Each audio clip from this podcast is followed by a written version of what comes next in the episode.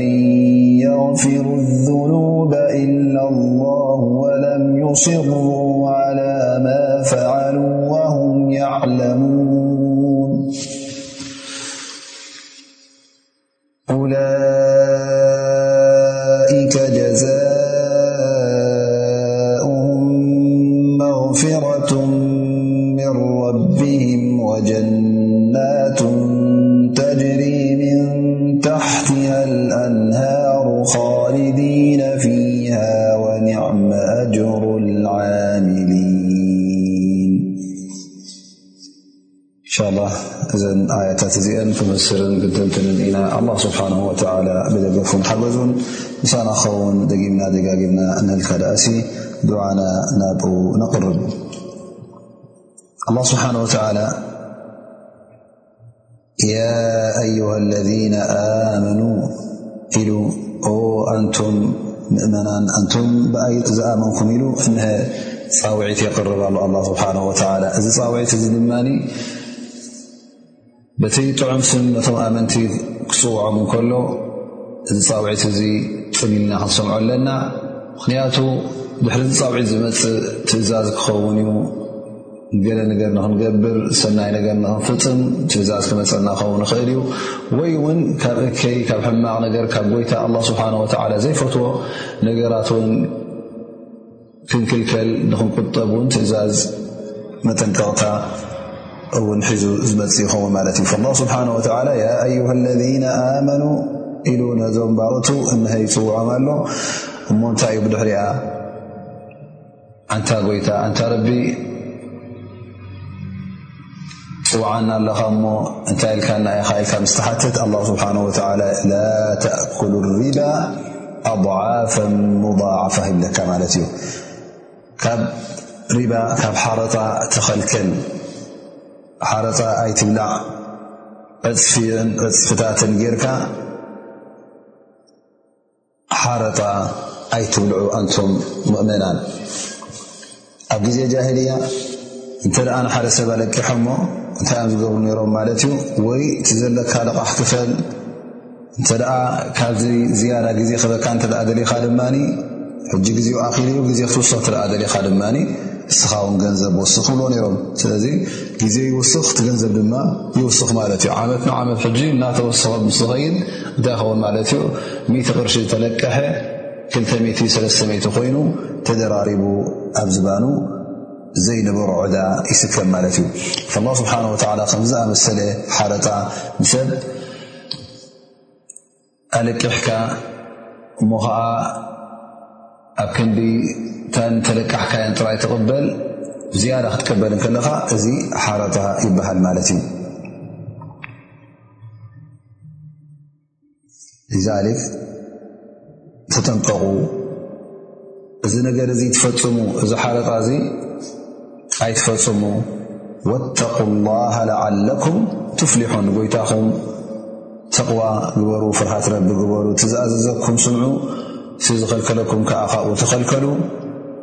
ምእንቲ ክትዕወቱ ለዓለኩም ትፍሊሑን ምእንቲ ካብቶም ዕዉታት ኣብ ኣዱንያን ኣብ ኣኼራን ንክትኮኑ ኣላ ስብሓን ወተዓላ እቲ ዝብለኩም ዘሎ ትእዛዛቱ ኣብ ግብሪ ኣውዕሉ እቲ ዝኽልክለኩም ዘሎ እውን ካብኡ ተጠንቀቑን ካብኡ ረሓቑን ወተቁ ናር ለቲ ዒደት ልልካፍሪን ኣብ ርእሲ እውን ኣላ ስብሓን ወተዓላ ነቶም በላዕቲ ሓረጣ ማለት እዩ ነቶም ነዚ ትእዛዝ እዚ ነዚ መጠንቀቕታ እዚ ዘየተግበሩ ካብ እሳት ጀሃንም እውን የፈራርሆም ኣሎ ማለት እዩ ካብኣ እውን የጠንቅቖም ኣሎ ወተቁ ናር ካብ እሳት ተጠንቀቑ ካብኣ እውን ፍርሁ እሳ እውን ነቶም ክሓቲ እያ ተዳልያ ዘላ ኣለቲ ውዒደት ልልካፍሪን ብቐንዱ ንመን እያ ነቶም ክሓቲ እያ ተዳልያ ዘላ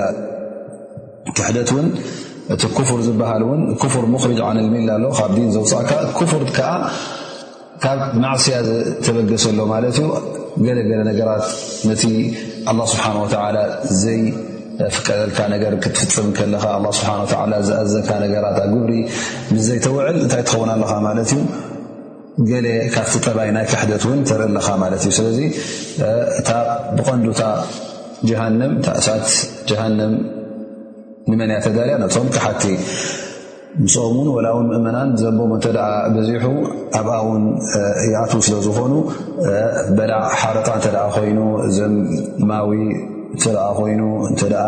ሰራቂ ኮይኑ ከም ዝኣመሰለ ዘንብታት ብብዓይነቱ እቲ ኣላ ስብሓን ወተዓላ ዝኸልከሎ ዝፍፅም እውን ካብዛ እሳት እዚኣ ኣላ ስብሓን ወተዓላ የጠንቀቐሎ ምኽንያቱ እሳ ናይ ኣኼራ መቕጻዕቲ ስለ ዝኾነት ስለዚ እንታይ ክንገብር ዘለና እታ ትእዛዝ ኣላ ስብሓን ወተዓላ ክንፍፅም ኣለና ኣብ ርያስኣ እውን ኣላ ስብሓን ወተዓላ ይብል ወኣጢዑ ላሃ ወረሱላ ለዓለኩም ትርሓሙን ንኣላ ስብሓን ወተዓላ እውን ተማእዘዙ ከምኡ እውን ንነቢ ሙሓመድ ለ ላ ለ ወሰለም ተማእዘዙ ወኣጢዑ ላሃ ወረሱል ነቢና ሙሓመድ صለ ላه ለ ሰለም እውን ትእዛዝ ናይ መን ሒዞም እዮም መፅኦም ናይ ኣላ ስብሓን ወተላ ወማ የንጢቁ ዓን ልሃዋ ኩሉ እቲ ነቢና ሙሓመድ ለ ላه ለ ሰለም ዝብልዎ እውን ኩሉ ሓቂ ዩ ኩሉ እውን ባዕሎም ብዊንታኡ ዝበርዎ ይኮኑ እንታይ ዳ ኢንዋ ኢላ ዋሕዩን ይውሓ ኣላ ስብሓን ወተላ ዝሃቦም ብዋሓይ እዮም ዝዛረቡ እቲ ኣላ ስብሓን ወተላ ዝሃቦም ራእይ ብኡዮም ዝዛረቡ ድኣ እምበር ባዕሎም ደስ ኢልዎም እዚ ከምዚ ኢሎም እነቢ ስለ ላ ለ ሰለም ኣይዛረቡን እዮም እንታይ ደኣ ኩሉ እቲ ዝብልዎ ነበሩ ኩሉ እቲ ቃላቶም ካበይ ተበገሰ እዩ ካብ ዋሓይ ናይ ኣላ ካብ ትእዛዝ ኣላ ስብሓን ወተላ እተበገሰ ስለዚ እቲ ጣዓ ናብ ኣላ ስብሓን ወተላ ክምእዘዝ ከምኡ ውን ንነቢና ሓመድ صለ ላ ለ ወሰለም ክምእዘዝ ተኣዚዝና ማለት እዩ ኣጢዑ ላ ወረሱላ ለዓለኩም ትርሓሙን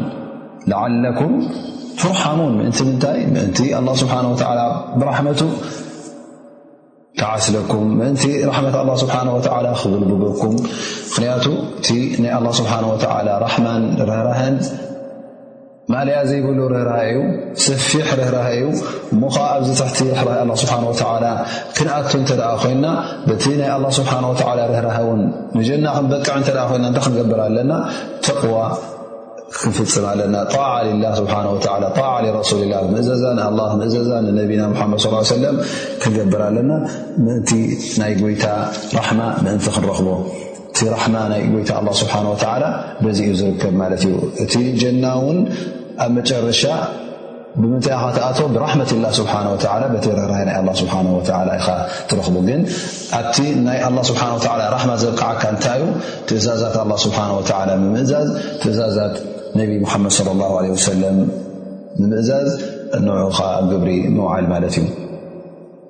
ኣብ ርእሲኡ እውን ኣላ ስብሓን ወተላ እነሀ ኣብዛ ኣያ እዚኣ ጥራይ እቲ ጣዓ ምግባር ኣይኮነን እንታይ ደኣ ንቀላጠፍ ክንድንጉ የብልናን ነዚ ጣዓ እዚ ምክንያቱ ዕድሚ ወዲ ሰብ ሓፂር ዕድመ እዩ ዘለዎ ወዲ ሰብ ዕድሚኡ ኣብዛ ኣዱንያ እዚኣ ቁፁራት እየን ስለዚ እንታይ ክገብር እዩ ዘለዎ ክጓየ ኣለዎ ንምንታይ ንፍዕሊ ኸይራት ሰናይ ተግባራት ክጓየ ኣለዎ ምእንቲ ቁርባናት ንኣላ ስብሓን ወተዓላ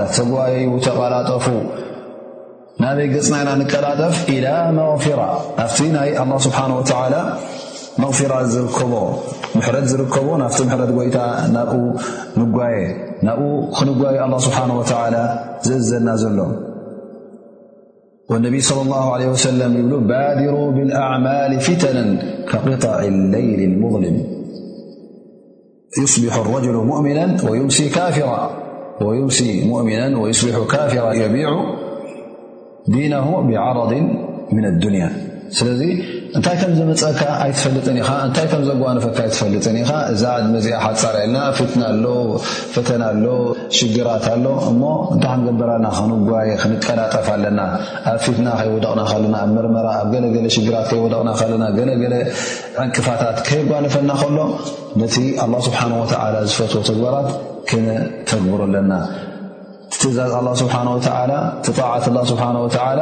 ንፅባሕ ገብሮ ይፅናሓለይ ተስዊት እናገበርካ ኣይጠቅምን እዩ እንታይ ደኣ ሽዑን ንሽዑን ተሎ እንተሎ ትእዛዝ ከተተግብር ኣለካ ማለት እዩ እንተ ከምዝ ኮንካ ምስቲ ዘለካ ግዜ ምስ ፅቡቕ ጌርካ እንታይ ተገብር ኣለኻ ማለት እዩ ትካየድ ኣለኻ ማለት እዩ ግን ይፅናሓለይ ፅባሕ ገብሮ ክእለት ናይ ሓጅ ከለካ ዘብዘበሲ ድሓነይ ንዓመታ ወይ ከኣ ድሕሪ ክልተ ዓመት ዕድመይ ሰላሳ ኣርባዓ ምስ ኮነ እዚ ዝበሃል የለን። እተ ክእለት ኣለካ ኮይኑ እቲ ሽሩጥ ናይ ሓጅ እ ኩሉ ኣብ ማእሊካ እተ ኮይንካ ክትጓየ ኣለካ ንኣብነት ክትሕጅጅ ኣለካ ክትሰናክል የብልካ ጉዳይካ ልክዕ ከምታ ሰላት ኣብ ግዜኣ ክትሰግዳ ዘለካ ስያም ኣብ ግዜኡ ክትፀሞ ዘለካ ካልእ ተግባራት እውን ክትቀላጠፈሉ ኣለካ ካብ ግዜኡ ክትሕልፎ የብልካ ምኽንያቱ ጽባሕ ሕማም የጓንፈካ፣ ሞት ይመጸካ፣ እርጋን ይመጸካ፣ ድኽነት ይመጽእ። ገንዘብ እንከለካ ሎሚ ገንዘብ ኣለካ ጽባሕ የብልካን ወይ ውን ኣላ ስብሓን ወተላ ብብዙሕ ገንዘብ ን በቲ ረኪብካያ ዘለካ ሃብቲ በቲ ኣላ ስብሓን ወተላ ዝሃበካ ሃብቲ ብኡውን ንስኻ ትዕሾን ትታለልን ትኸውን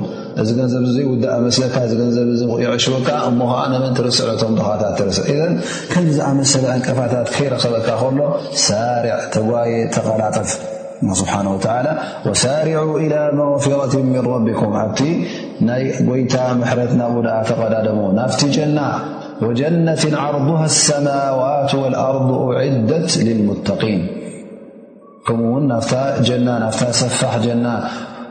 ጎድና ክንዲ ስፍሓታ ማለት ዩ ካብ ሰማይን መሬትን ዝዓብለለ ዓርض ሰማዋት ወኣርض ቁመታን ጎናን ድማ ኩሉ ሓደ እዩ ን ላ ስብሓን ወላ እቲ ሓደ ጎ ክጠቕሰና ከሎ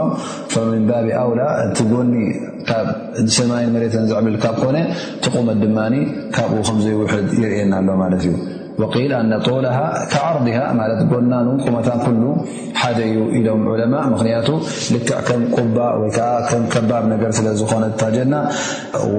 صلى الله ي سلمإذا سألتم الله الجنة فسأل الفرالدوس فإنه أعلى الجنة وأوصطو الجنة ومنه تفجر أنهار الجنة وسقفها عرش الرحمن ነቢ ስ ሰለም ይብሉ እንተ ጀና ሓቲትኩም ካብ ኣላ ስብሓን ወተላ እታ ፊርዶስ ትበሃል ኣ ሓተቱ ፊርዶስ እዚኣ እታ ዝለዓለት ናይ ጀና እያ እታብ ማእከል ዘላ ካብኣ ዩ ድማ እቲ ኩሉ ናይ ጀና ሓይ ድማ ዝውሕዝ ካብኣ እዩ ወሰቕፉሃ ዓርሽ ራሕማን ልዕሊኣ ድማ እቲ መክደኒኣ ወይከዓ እቲ ጠፈርናታ እንታይ እዩ ዓርሽ ራሕማን ናይ ጎይታ ናይ ኣላ ስብሓን ወተላ ዙፋን እዩ ስለዚ እታ ዝለዓለ ደረጃ ዘላ ፊርዶ ስለ ዝኾነት ንዓ ዳ ጠለቡ ንዓ ሕተቱ ኢሎምና እዮም ነቢ ስ ሰለ ኣላ ስብሓን ወተላ ወሳሪዑ ኩሉ ግዜ ተቐዳደሙ ተቐላጠፉ ዩ ዝብለን ኣብ ካልእ ሱረት ሓዲድ እንተ ርእና እውን ሳቢቁ ኢላ መغፍረት ምን ረቢኩም ወጀነት ዓርቡሃ ክዓርዲ ሰማኢ ወልኣርض እዘን ታጀና እውን ኣላ ስብሓን ወተላ ምእንቲ ሃንቀውታ ክሓድረና እናልካ ደኣሲ ስፍሓት ናይ ጀና ክሳዕ ክንደይ ገፊሕ ከም ምዃኑ ማእለያ ዘይብሉ ከም ምዃኑ ኣላ ስብሓን ወተዓላ እነ ናብኣ ተቐላጠፉ ኢሉ ነፍስና ሃንቀውታ ንኸሓድራ ነዛ ኣያ እዚኣ ወሳርዑ ኢላ መغፊረት ምን ረቢኩም ወጀነትን ዓርዱሃ ኣሰማዋት ወልኣርድ ዒደት ልልሙተቂን እዛ ጀና ኸንመን እያ ነቶም ሙተቒን ነቶም ፈራሃት ረቢ እያ ተዳልያ ዘላ ከምቲ ኣብታ ዝሓለፈት ኣያ ኣላ ስብሓን ወተላ ወተቁ ናር ለቲ ዒደት ልካፊሪን ዝበለና ንክሓቲ ተዳልያ ዝበለና እታ ጀሃንም እታ ጀና ኸዓ እንህልካ ደኣሲ ኣብዚ ኣያ እዚኣ ንመን ከም ተዳለወት ይሕብረና ማለት እዩ ንሱ ከዓ ነቶም ኣህል ጀና ነቶም ሙተቒን ነቶም ፈራሃት ረቢ ነቶም ኣብ መንጎኦምን ኣብ መንጎ ቁጣዓ ኣላህን መከላኸሊ ዝገብሩ ዝነበሩ እዚ መከላኸሊ እዚ እንታይ እዩ ትእዛዛት ኣላ ስብሓን ወተላ ብምእዛዝ ካብቲ ኣላ ስብሓን ወተላ ዝጠንቀቐካ ድማ ምቁጣብ ማለት እዩ روى البزار عن أبي هريرة قال جاء رجل إلى رسول الله - صلى الله عليه وسلم فقال أرأيت قوله تعالى وجنة عرضها السماوات والأرض فأين النار قال أرأيت الليل إذا جاء لبس كل شيء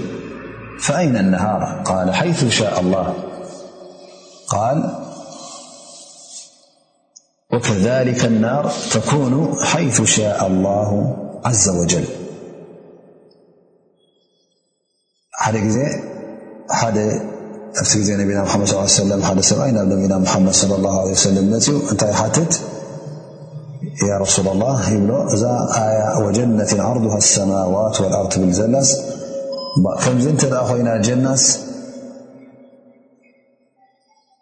እታ ጀሃንም ደኣ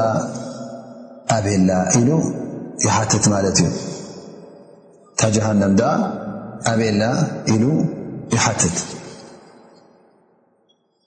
እነቢ ስለ ላ ለ ወሰለም እንታይ ኢሎም መልሱሉ እሞ ለይቲ ኣብዛ ኣዱንያ ክመፅእ ከሎስ ንኩሉ ዶ ክዕድም ትሪኦ ዶ ኣይትሪኦን ኢሎም ይሓትዎ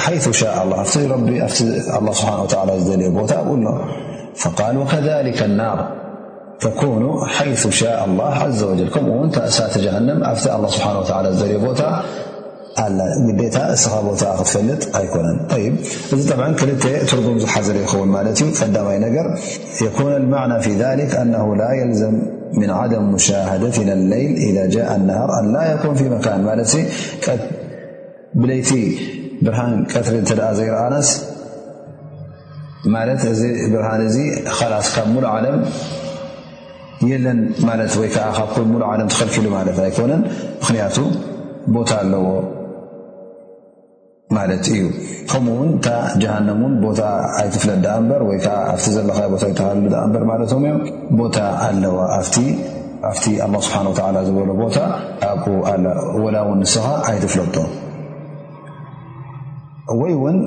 ካልኣይ ትርጉም እ ቀትሪ ብሓደ ሸነኽ ነዛ ዓለም እዚኣ ክመፅእ እንከሎ እቲ ፀልማት ለይቲ ድማ ብካልእ ሸነኽ እዩ ዝኸውን ከምኡ እውን እታ ጀናን ጀሃነምን እውን ጀና ላዕሊ ክትከውን ከላ እታ ጀሃንም ከዓ ኣስበል ሳፍሊል ትኸውን ማለት እዩ እ ዓርዲ ሰማይ ወኣርዲ ክብለና ከሎ ስብሓ ስፍሓታ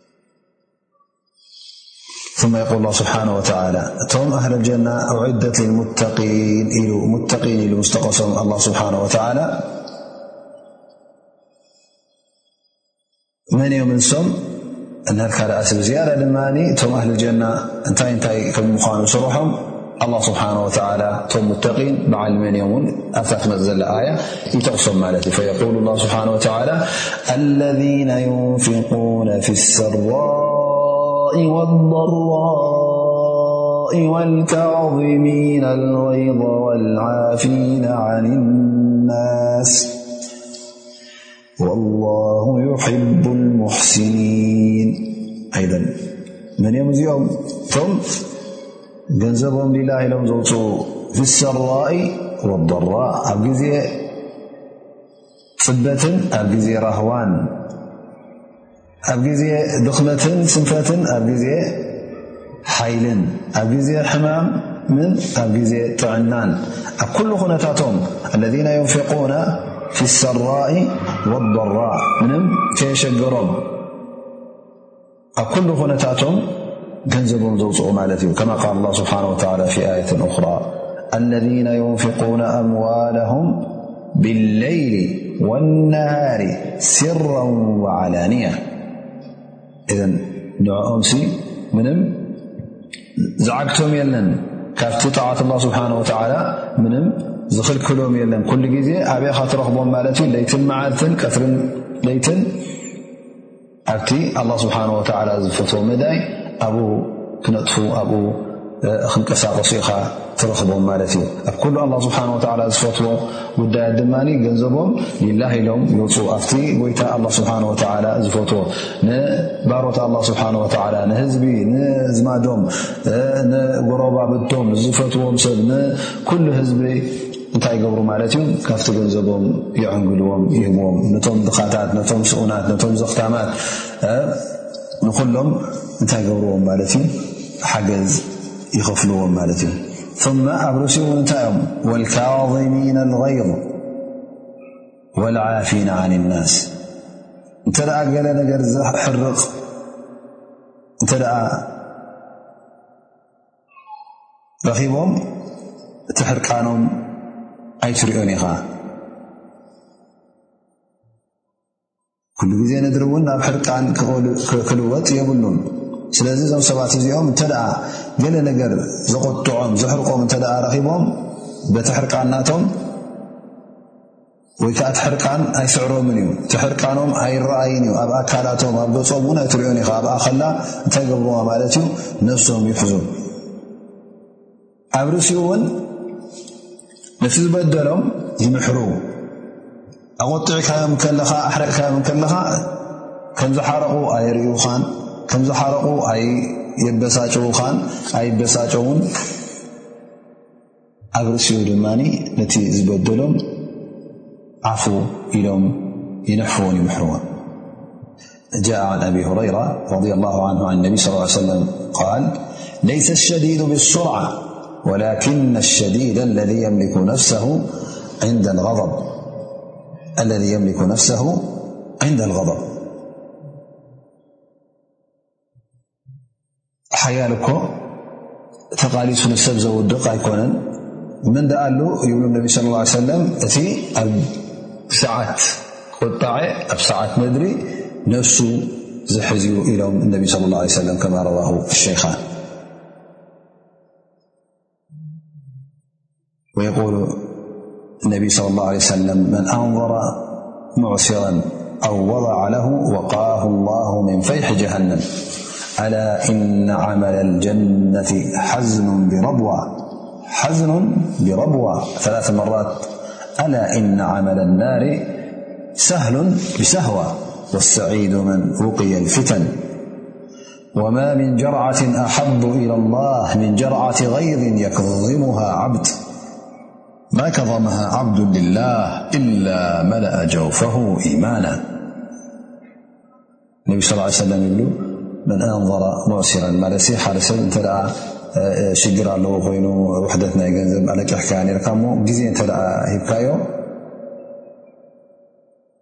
ወይ ከዓ እንተ ምሕርካዮስ ኣላ ስብሓን ወተላ ካብ እሳተ ጀሃንም እውን ይምሕረካ እዩ ወቃሁ ላሁ ምን ፈይሒ ጀሃንም ተግባር ናይ ጀና ድማ ቀዲል ኣይኮነን ኣብ ብሪኽ ቦታ ንህልካ ደኣሲ ኣሸጋሪ ዝኾነ መንገዲ ዘለዎ በሪኽ ቦታ ከምኡ እዩ ማለት ድኻም የድልዮ እዩ ስራሕ የድልዮ እዩ ናይ ጀሃነም ግን ኩሉ ፈኪሱን ቀሊል እዩ ስለዚ እቲ ስዑድ እቲ ሕጉስ ዝሱትሲ ካብቲ ፈተና ካብቲ ሽግራት ዝረሓቀ ካብኡ ዝተወገደ እዩ ካብኡ ዝተኸልከለ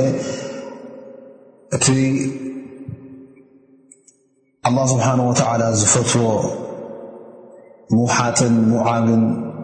ድማ ሓደ ሰብ ገለ ነገር ኣጓኒፍዎ እሞ ኮርዩ እንከሎ ነዛ ሕርቃን ናቱ ነዛ ነድር ናቱ ክውሕጣ እንከሎ ክሓብኣ እንከሎ ንልካ ደኣሲ ኣላ ስብሓን ወተዓላ እውን እቲ ልቡን ውሻቄኡን ኢማን ክመልኦ እዩ ኢሎምና ማለት እዩ እዘን ኣላ ስብሓን ወተላ ከምዚ ኣብዚ ኣያ እዚኣ ዝቐረእናዮ ከምኡውን ከምዚ ኣብዚ ሓዲስ እዚ ንሪኦ ዘለና ሓደ ሰብሲ ሓሪቑ ተቆጢዑስ ነታ ነፍሱ ክኣስር እንከሎ ዓቢ ኣጅሪ እዩ ዘለዎ። እቲ ዘቖጥዖ ነገር ብዘየገድስ ንዕኡ ቁሊሕ ከይበለ ነልካ ደኣሲ ሊላህ ኢሉ ኣነስ ረቢ ዝፈትዎ ስራሕ ንኽሰርሕ ምእንቲ ኣጅሪ ንኽረክብ ኢሉ ቁጣዓ ናቱ ዝዓፀወን ኣብ ልቡ ዝደፈነን ኣላ ስብሓን ወተላ ኣብ ዮም ቅያማ እነልካ ደኣሲ እቲ ልቡ እቲ ውሻጠኡ ኣጅሪ ክመርኦ ከም ምኳኑ ኢማን ክመርኦ ከም ምኳኑ ውን ይሕብረና ማለት እዩ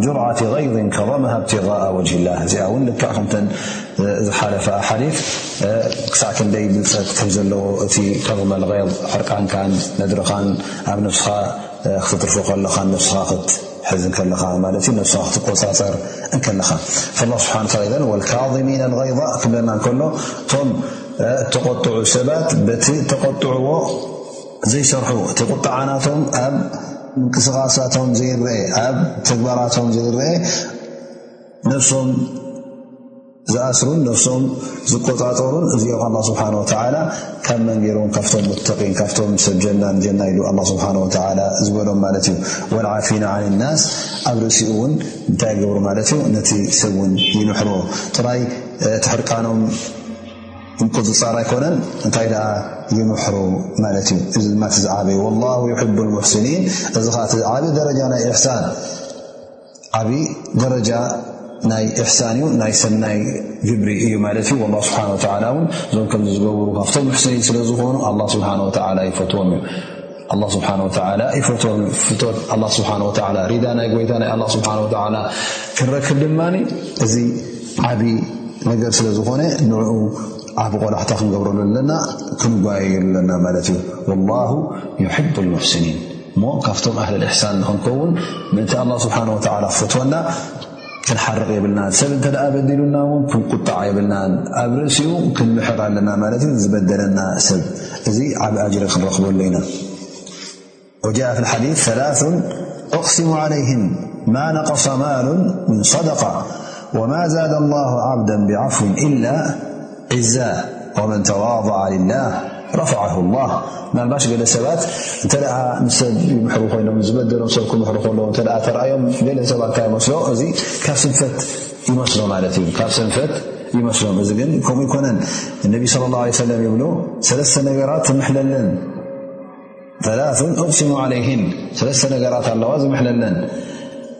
ማ ነቀሳ ማሉን ምን ሰደቃ ፍፁም ማል ብሰንኪ ሰደቃ ኣይጎድልን እዩ ገንዘብ ብሰደቃ ኣውፅእካሉ ኣይጎድልን እዩ እንታይ ደኣ ይውስኽ ማለት እዩ ይውስኽ ሰደቃ እተ ተውፅልካ ዘካ እተ ተውፅልካ ማልካ እዚ ማል እዚ ይውስኽ ሓረጣ ትበልዓሉ እተ ኮይንካ ግን ሓረጣ እተ ተቕበል ኮይንካ ግን እዚ ማልካ እዚ በረካ ስኢኑ ይውሕድ ማለት እዩ ላ ስብሓን ወተላ ኩሉ ግዜ እቲ ገንዘብ ሓላል ክኸውን ከሎ እቲ ሰደቃ ክተውፅኦ ከለኻ ማል ናይ ኣላ ኢልካ ሊላ ኢልካ ክተውፅእ ከለኻ ኣላ ስብሓን ወተዓላ ኣጅሪ ይኸትበልካ ኣብ ርእሲኡ ድማ እቲ ገንዘብካ በረካ ይገብረሉ ነቢ ስ ሰለም ን ኣብዛ ኣያ ኣብዛ ሓዲስ እዚኣ ማነቀሳ ማሉን ምን ሰደቃ ኢሎም ይመፍሉልና ኣሎ ማለት እዩ ብሰንኪ ሰደቃ ስ ገንዘብ ኣይጎድልን እዩ ወማ ዛደ ላ ዓብደን ብዓፍን ኢላ ዒዛ ኣላ ስብሓን ወተላ እውን ንሓደ ሰብ እንተ ደኣ ዝምሕር ኮይኑ ኣላ ስብሓን ወተላ እንታይ እዩ ዝውስኾ ክብሪ ዛደሁ ላ ዒዛ ሓይሊ ይውስኾን ክብረት ይውስኾን እንተ ንሰብ ዝምሕር ኮይኑ እናኸኣለ ከሎ ንኽቐፅዕ እናኸኣለ ከሎ መሰሉ ንኽወስድ እዚ ሰብ እዚ ሊላ ኢሉ ክምሕር እንከሎ ኣላ ስብሓን ወተላ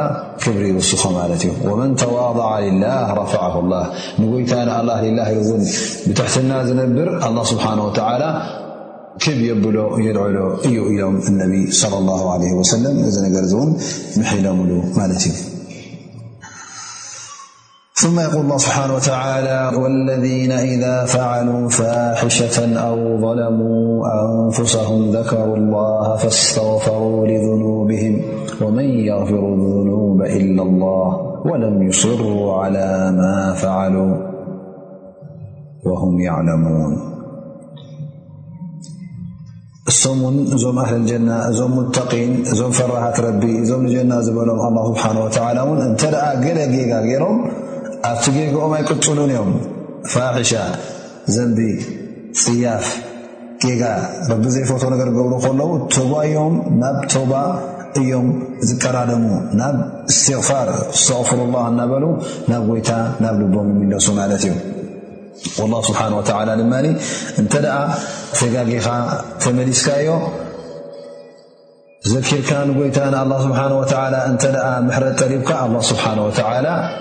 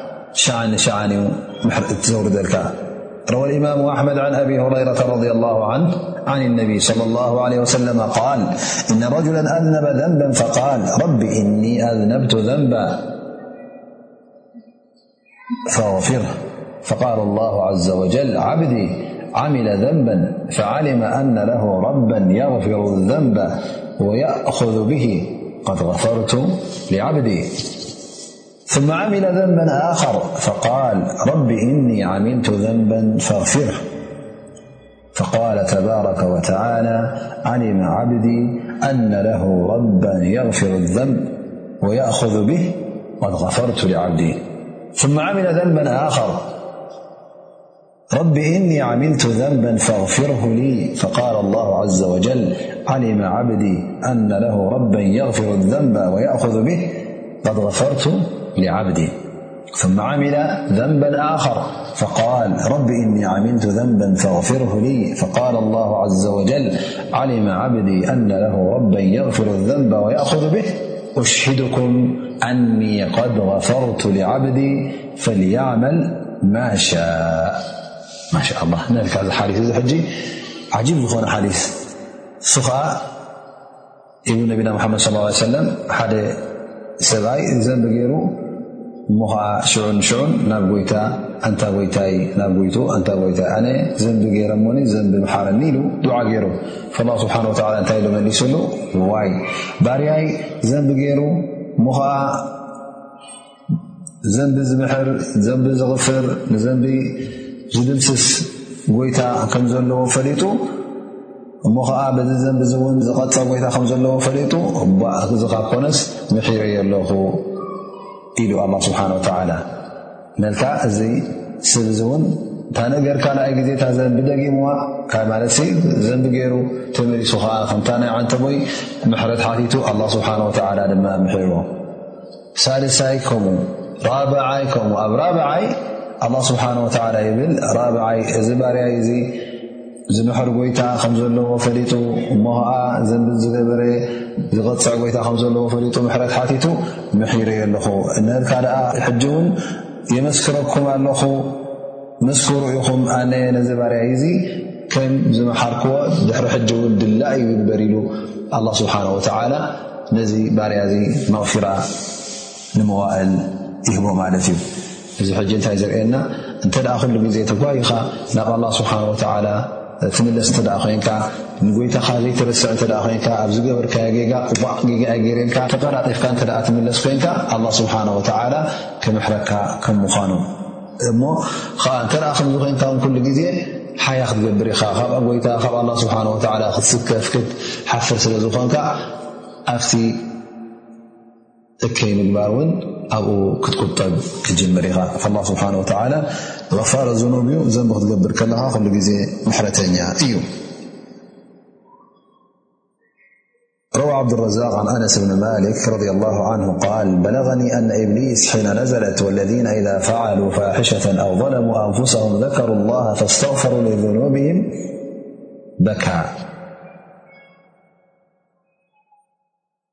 بكانس بن مالك እብሊስ እዚ ኣያ እዚኣ ምስ ወረደት በኽዩ እዛ ናይ ወለና ዛ ፋዕሉ ፋሕሸተ ኣብ ظረሙ ኣንፍሶ ምክንያቱ ዝኾነ ሰብ ሸጣን እብሊስ እንታይ ደሊ ከታለካ ከጥፋእካ ምስ ጀሃንም ክስሕበካ ላኪን ኣ ስብሓ ወላ እዛ ኣያ እዚኣ ክምሕረተኛ ከም ምኳኑ ምሕረት ዝሓተተ ከም ዝምሕር እዛ ኣያ እዚኣ ምስ ወረደት እብሊስ ይብል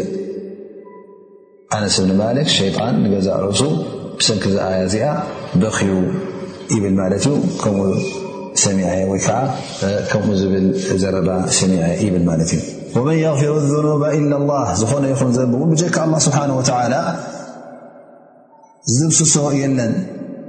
እቲ غፋር ذኑብ መን እዩ ኣላ ስብሓን ወተላ ንሱ ጥራይ እዩ እዞም ምእመናን እዚኦም እዞም ገበርቲ ሰናይ እዞም ናብ መቕፊራ ዝጓየዩ እውን ኩሉ ግዜ ክንሪኦም ከለና ወለም ይስሩ ዓላ ማ ፈዓሉ ወም ያዕለሙን ዘንቢ ክገብሩ ከለዉ ከምቲ ዝበልናዮ ኩሉ ግዜ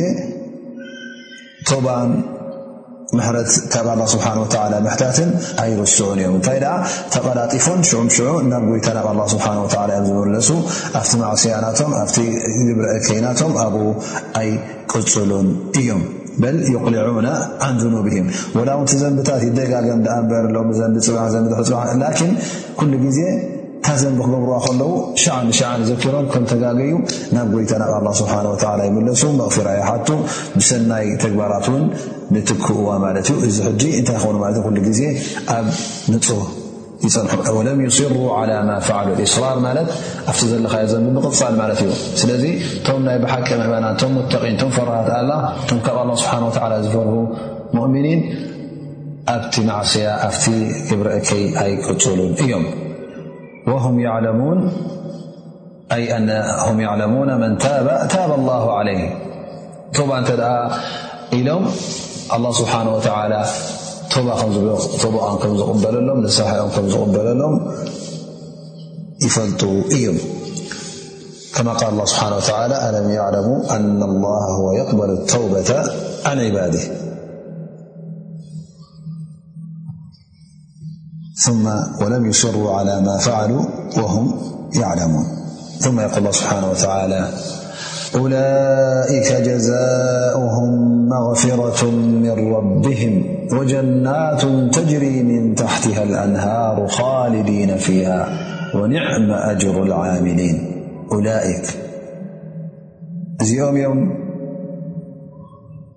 እቶም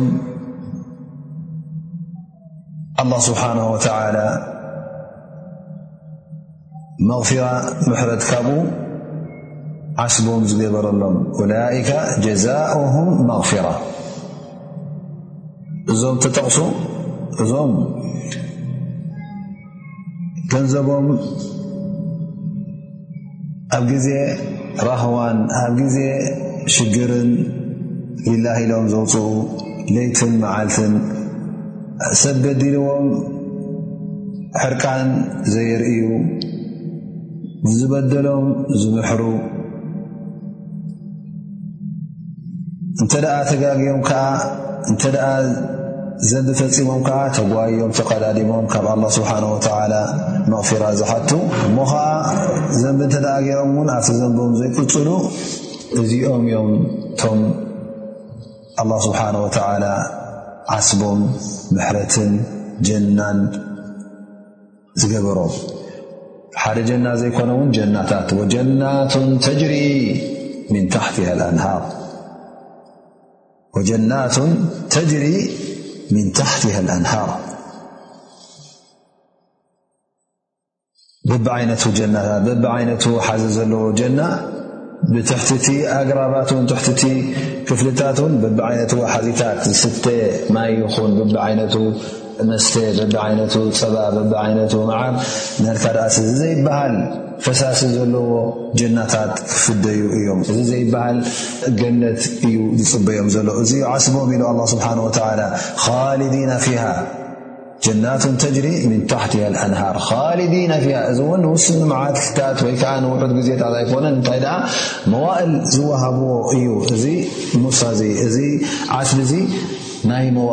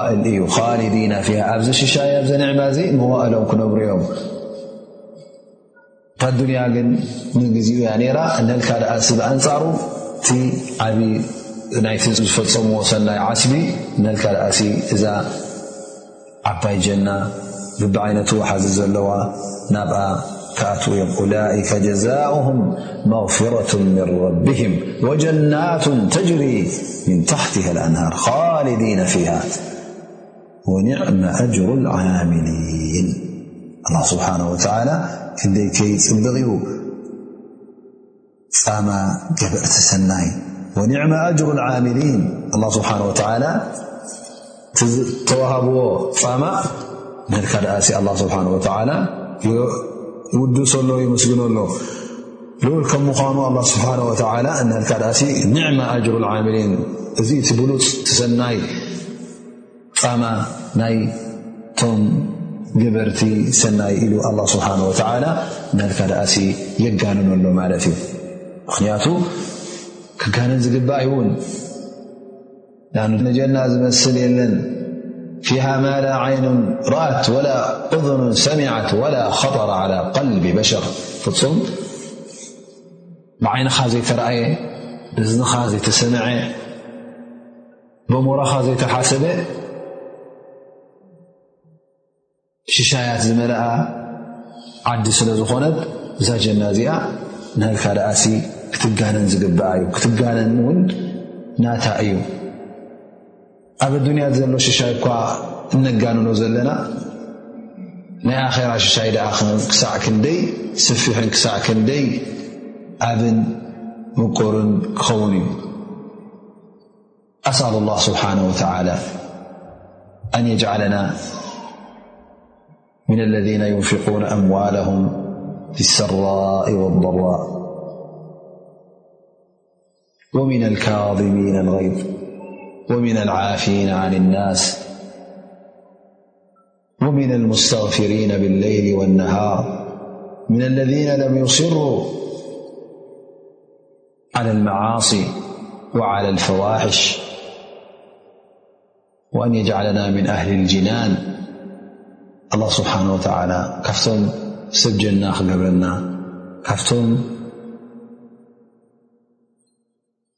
ካብ ዘንቦም ተጓዮም ዝርሕቁ፣ ስንሰናይ ተግባር ንምግባር ዝጓየዩን ዝቀላጠፉን፣ ለይትን መዓልትን ሊላህ ኢሎም ኣብ ግዜ ራህዋን ኣብ ግዜ ሽግርን ገንዘቦም ንስኡናት ንድኹማት ዝህቡን ንዝበደሎም ዝምሕኡን ንኽገብረና ዱዓ እናገበርኩ ናይ ሎም መዓልቲ ደርሲ በዚ ይድምድሞ صለ ላሁ ዓላ ነብይና ሙሓመድ ወዓላ ኣሊ ወሳሕብሂ ወሰለማ ኣጅማዒን